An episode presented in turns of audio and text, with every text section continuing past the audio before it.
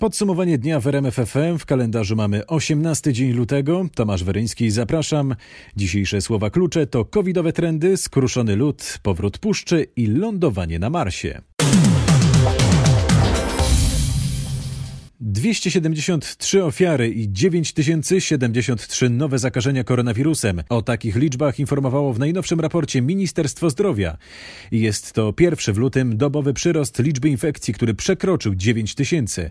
Nasz reporter Michał Dobrołowicz sprawdził, ile testów wykonano ostatniej doby. Ponad 54 tysiące badań, a zatem niemal co szósty test potwierdził zakażenie. Zdecydowanie najwięcej infekcji wykryto na Mazowszu, to ponad półtora tysiąca przypadków, o ponad połowę mniej jest na Pomorzu. Rosnący trend nowych zakażeń koronawirusem utrzyma się co najmniej do końca lutego, przewiduje w rozmowie z RMFFM epidemiolog profesor Marcin Czech. Co według ekspertów powinno się wydarzyć, aby powstrzymać rosnący trend? Najlepszy sposób to rozszerzenie akcji szczepień. Profesor Marcin Czech podkreśla, że chodzi nie tylko o większe dostawy preparatu, ale też o rejestrację w Europie nowych szczepionek. Dane z Izraela pokazują, że dla zaszczepionej populacji liczba nowych zakażeń znacznie spada, tymczasem ta niezaszczepiona y, część zachowuje się zupełnie inaczej, więc te krzywe się rozjeżdżają. Według lekarzy to nie jest moment na zaostrzanie obostrzeń, tylko na korzystanie z miejsc, które są dostępne zgodnie z reżimem sanitarnym. I przypominają, że luty to środek sezonu wirusowego, kiedy łatwo zakazić się też koronawirusem. To relacja naszego reportera Michała Dobrołowicza. Najczarniejszy scenariusz się nie spełnił. Tak członkowie rządu nieoficjalnie komentują czwartkowe dane dotyczące koronawirusa. One, przypomnę, pokazały wzrost liczby zakażeń z około 8700 do 9073 przypadków. Co w takim razie z obostrzeniami? O tym Krzysztof Berenda.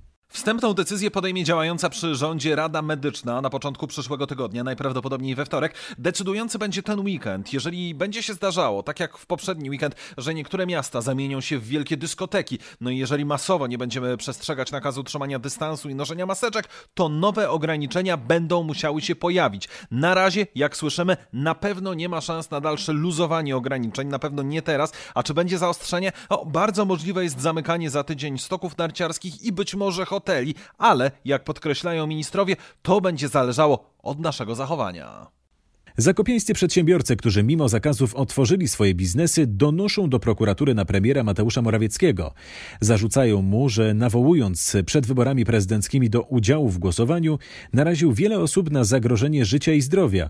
Twierdzą również, że szef rządu niezgodnie z konstytucją ogranicza działalność gospodarczą, naraża ludzi na utratę zarobków i doprowadza ich do ubóstwa polski przedsiębiorca, który został bez pomocy, otrzymał od, od, polskiego rządu większości przypadków represje, zastraszanie, wykorzystywanie do tego celów oczywiście wszystkich możliwych instytucji państwowych, jakimi są policja, Sanepid. Wykorzystuje się wszystkie służby, administrację państwową do tego, żeby niszczyć przedsiębiorców, którzy, tak jak już powiedział tutaj Gerard wcześniej, nie buntują się. To jest walka po prostu o życie, o przetrwanie, o pracowników przede wszystkim.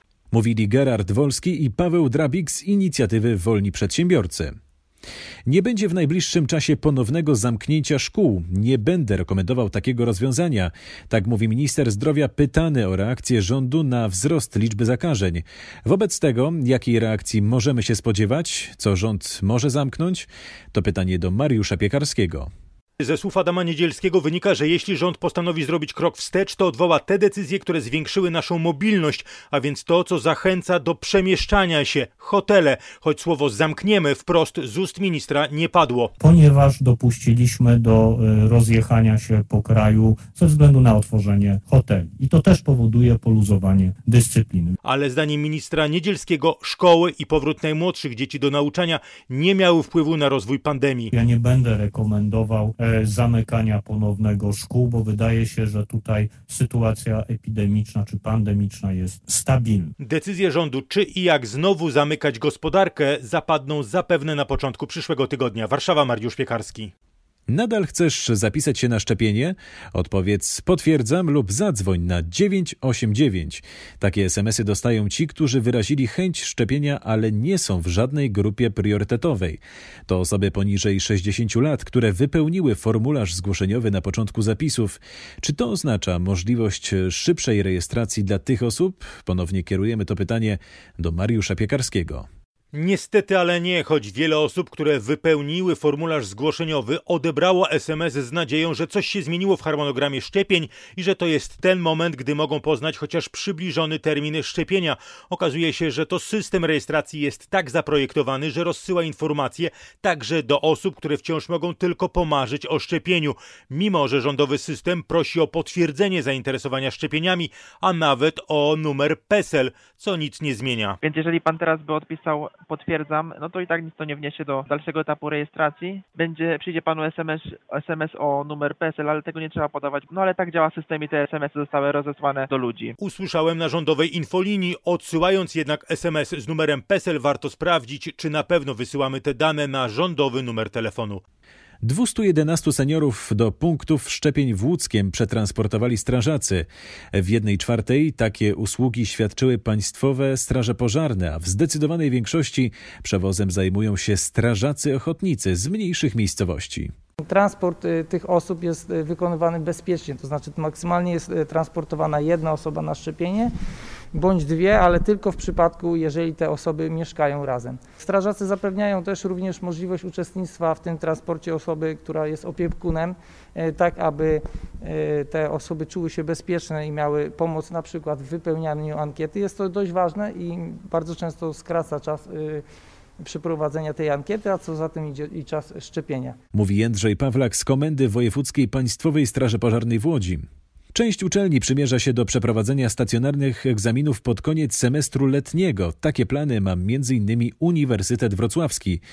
To efekt akcji szczepień nauczycieli akademickich, która ma zacząć się jeszcze w lutym. Na razie trwają zapisy, a do tej pory zgłosiło się ponad 30 tysięcy osób. O jakie egzaminy chodzi? Przede wszystkim o obrony prac licencjackich, magisterskich i doktorskich, ale może nawet o wszystkie egzaminy na koniec semestru. Nie ma za to większych szans na powrót powrót do nauczania zdalnego przed końcem semestru.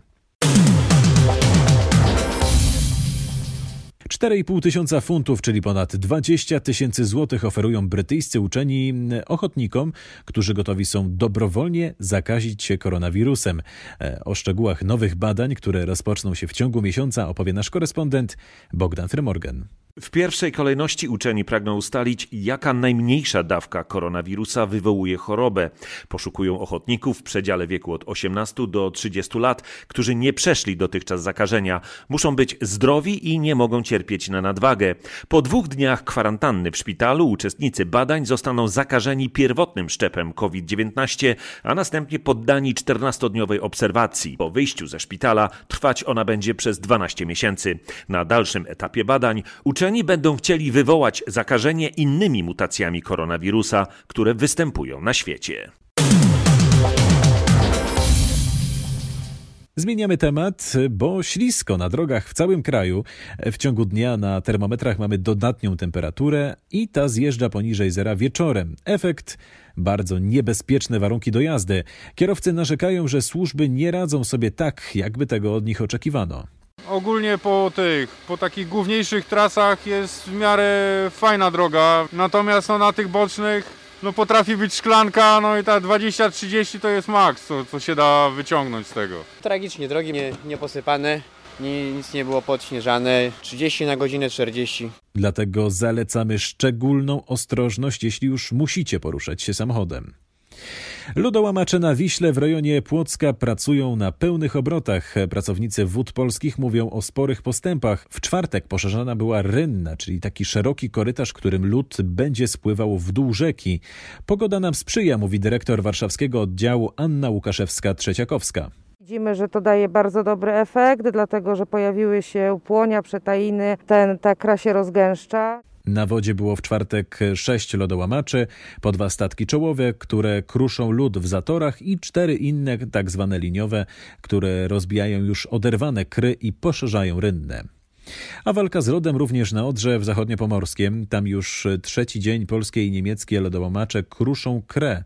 W Bielinku i Gozdowicach poziom wody na rzece przekracza o ponad 20 cm stan alarmowy, ale wody już nie przybywa. Lodołamaczom udało się rozbić zatory w tym rejonie Odry, mówi Michał Kaczmarek z Wód Polskich w Szczecinie. Na ten moment możemy powiedzieć, że akcja przebiega bardzo sprawnie. Nie mieliśmy ani momentów przestojowych, ani momentów, które wiązałyby się z komplikacjami ze względu na warunki atmosferyczne. Przewidujemy, że w najbliższych dniach poziom wody z alarmowego lub ostrzegawczego powinien się ustabilizować. Stąd też na ten moment zagrożenia powodziowego w Szczecinie nie ma, chociaż zdajemy sobie sprawę, że roztopy, które w najbliższych dniach mogą wystąpić, również mogą wpływać w jakiś sposób na poziom wody w rzekach. Akcja kruszenia lodu na Odrze, pierwsza od kilku lat, planowana jest do przyszłego tygodnia. Wyjątkowo pobłażliwa policja i prokuratura dla kierowcy, który w Wyszkowie na Mazowszu jeździł samochodem po zamarzniętym Bugu w pobliżu dzieci bawiących się na lodzie. Jak dowiedział się reporter RMFFM, mężczyznę ukarano mandatem w wysokości zaledwie 200 zł. O szczegółach Krzysztof Zasada. Prokuratura i policja przeanalizowały tę sytuację i najpierw uznano, że nie będzie kwalifikowana jako przestępstwo, a jedynie wykroczenie. Chodzi o spowodowanie zagrożenia bezpieczeństwa w ruchu. Grozi za to grzywna, a nawet odebranie prawa jazdy. Jednak policja uznała, że mandat w wysokości 200 zł zupełnie wystarczy. Jakie jest uzasadnienie? Otóż jak usłyszałem, policjanci uznali, że kierowca nie jeździł po zamarzniętej rzece, a po jej rozlewisku, które nie jest zbyt głębokie. Dodatkowo sprawdzono grubość lodu i okazało się, że było niewielkie prawdopodobieństwo jego załamania. Zdecydowanie jednak odradzamy takie zabawy, bo mimo, że prawdopodobieństwo było małe, to jednak było, a druga sprawa 200 zł piechotą nie chodzi. Teraz w podsumowaniu dnia w RMFFM oficjalne stanowisko Platformy Obywatelskiej w sprawie aborcji.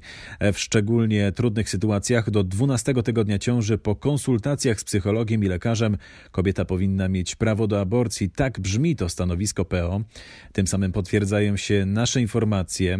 PO oprócz liberalizacji prawa do aborcji proponuje też pakt dla kobiet. Zakłada on m.in. edukację seksualną, bezpłatny dostęp do antykoncepcji, badań prenatalnych, wsparcie osób z niepełnosprawnościami, i bezpłatny dostęp do in vitro. Proponowane przez nas rozwiązania są po to, by decyzji o przerwaniu ciąży było jak najmniej. Mówiła Małgorzata Okła-Drewnowicz. Szef PO podkreślił, że w tej sprawie posłów nie będzie obowiązywała dyscyplina partyjna. Zawsze będziemy szanować wolność wyboru. Mówił Borys Budka. Konserwatyści w PO i ludowcy twierdzą, że deklaracja przesuwa ją w lewo na mapie partii politycznych. Liberalizację popiera również Lewica, a PSL domaga się referendum w tej sprawie. A teraz pytanie, kiedy Komisja Zdrowia zajmie się prezydenckim projektem ustawy w sprawie aborcji? To pytanie padło również w popołudniowej rozmowie w RMFFM. Tomasz Latos, szef Sejmowej Komisji Zdrowia, Sprawa i Sprawiedliwości, odpowiedział tak. Od dwóch tygodni, czy nieco ponad dwóch tygodni jest opublikowany wyrok.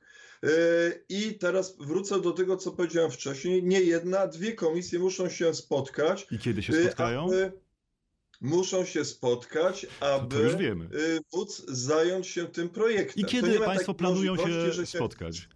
Proszę? Kiedy Państwo planują się spotkać? Bo zajrzałem na stronę Waszej komisji. Tam są zaplanowane kolejne posiedzenia, na najbliższy tydzień na przykład, ale wciąż cisza. Projektem prezydenckim przepisów o aborcji zajmować się nie będziecie. Jeszcze nie teraz. Kiedy? Jeszcze nie teraz, to fragment popołudniowej rozmowy w RMFFM, a całość do posłuchania na rmf24.pl.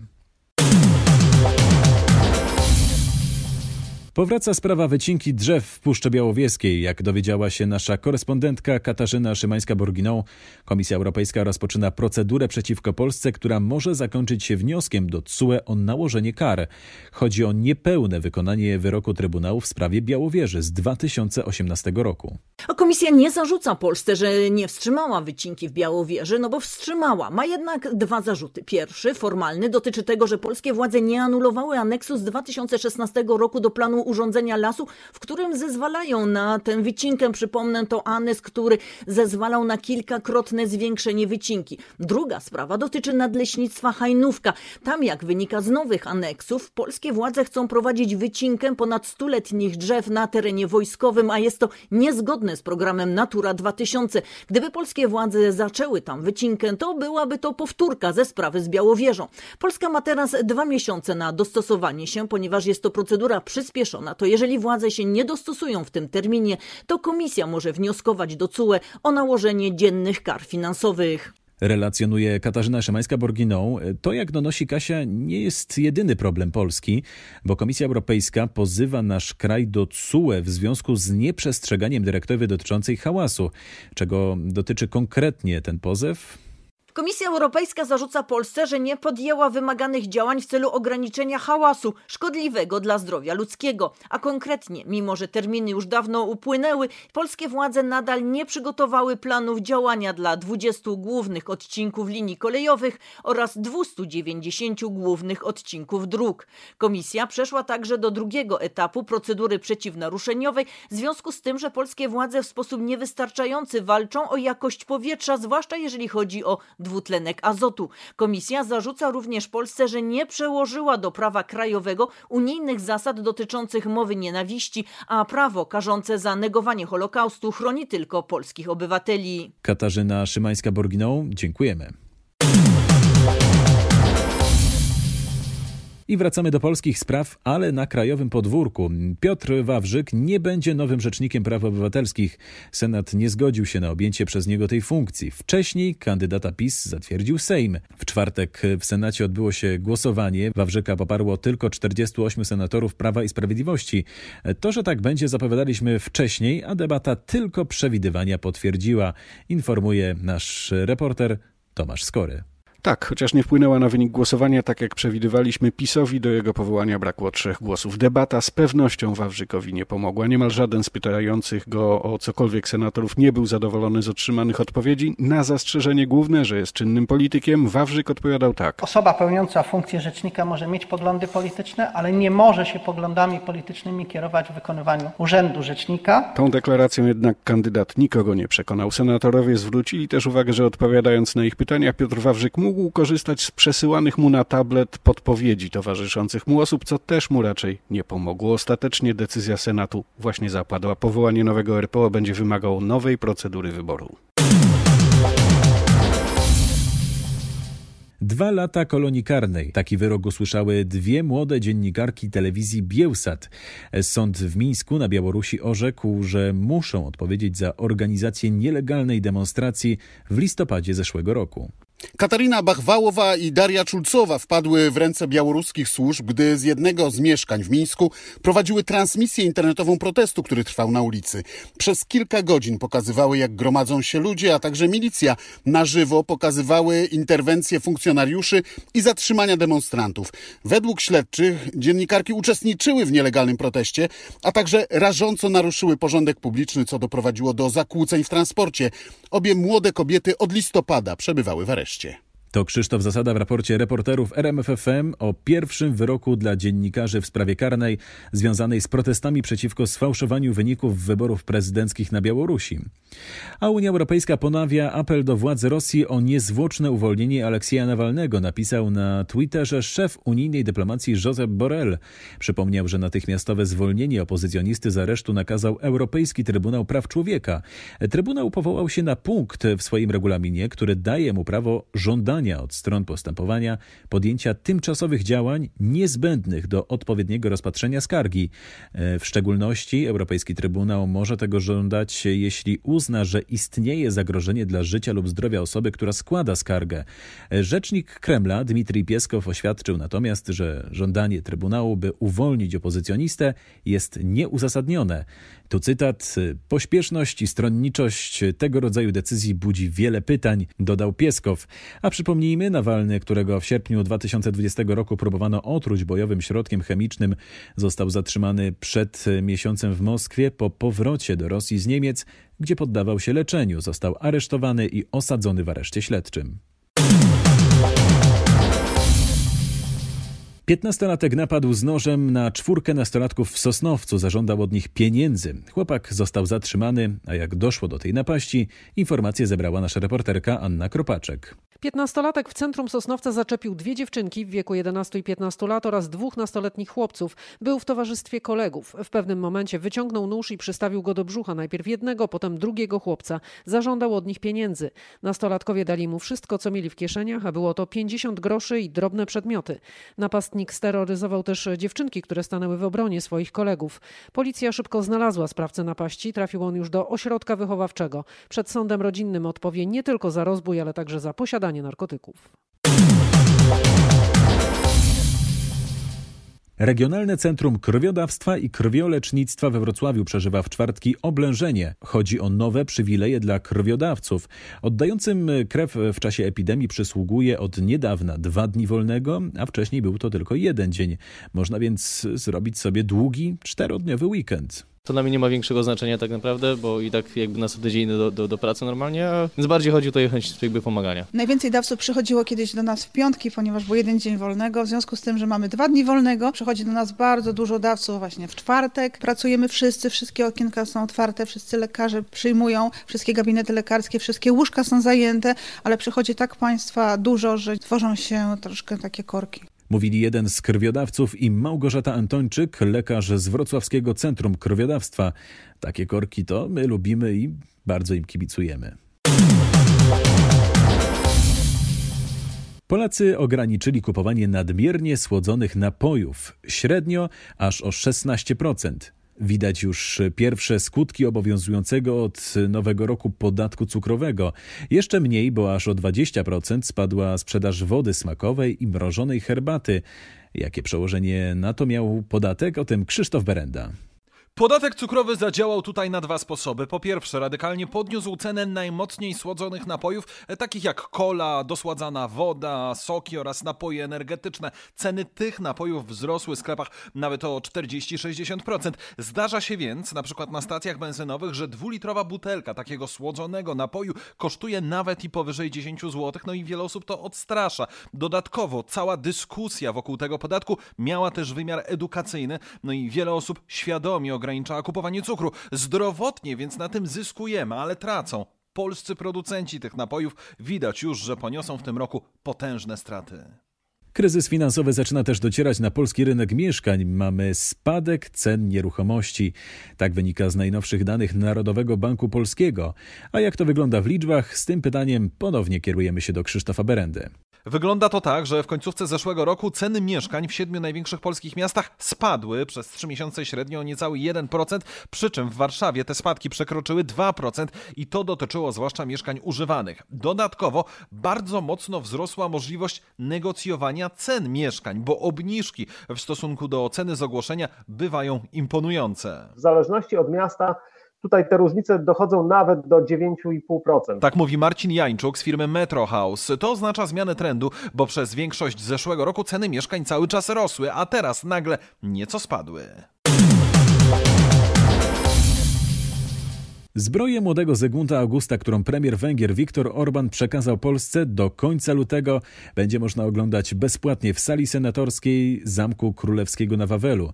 Na świecie istnieją tylko dwie zbroje tego typu, mówił Krzysztof Czyżewski, kurator militariów Wawelskiego Muzeum. To jest zbroja specjalnie wykonana dla polskiego króla Zygmunta Augusta. W roku 1533 miał raptem 13 lat. Mamy do czynienia z bardzo rzadkim typem zbroi dziecięcej, to jest y, dzieło wykonane na konkretną okazję. Zbroja zaręczynowa między córką Ferdynanda I Elżbietą Habsburżanką, a królem Zygmuntem Augustem. Młodzieńczą zbroję Zygmunta Augusta możecie obejrzeć też na rmf24.pl. W podsumowaniu dnia zerkamy teraz na kalendarz. Niespełna 30 dni zostało do wiosny. Według synoptyków z każdym dniem pogoda będzie coraz bardziej wiosenna. Na zachodzie kraju już pojawiają się roztopy, na wschodzie natomiast jeszcze pojawi się mróz. W ciągu dnia w Warszawie widzieliśmy coraz więcej osób w okularach przeciwsłonecznych. Zatem pytamy, czy panie poczuły już powiew wiosny? Tak, dzisiaj czuję w słoneczku, że tak świeci dłużej i w spojrzeniach mężczyzn. Inaczej się żyje, inaczej chce się już e, pracować, żyć, wychodzić, o wiele więcej energii. Energii może być jeszcze więcej w czasie weekendu. Według najnowszych prognoz IMGW w sobotę w ciągu dnia temperatura już w całej Polsce będzie dodatnia. Optymistyczna jest też prognoza długoterminowa. Temperatura w marcu w tym roku ma być powyżej średniej. No i na koniec y, jeszcze przenosimy się na Marsa, bo 18 lutego 2021 roku to dzień, który znajdzie się w podręcznikach naukowych. Łazik Perseverance z sukcesem wylądował na Marsie. Chwilę przed 22 Centrum Kontroli Lotu NASA opanowała ogromna radość. Perseverance is continuing to transmit. A chwilę potem usłyszeliśmy te słowa. Perseverance rozpoczyna transmisję. I zaraz na koncie Łazika na Twitterze pojawił się komunikat, tu cytat, Cześć świecie, oto pierwszy widok mojego domu. Ja nazywam się Tomasz Weryński, to podsumowanie dnia w RMFFM. Gorąco zapraszam również na podsumowanie piątku. Do usłyszenia.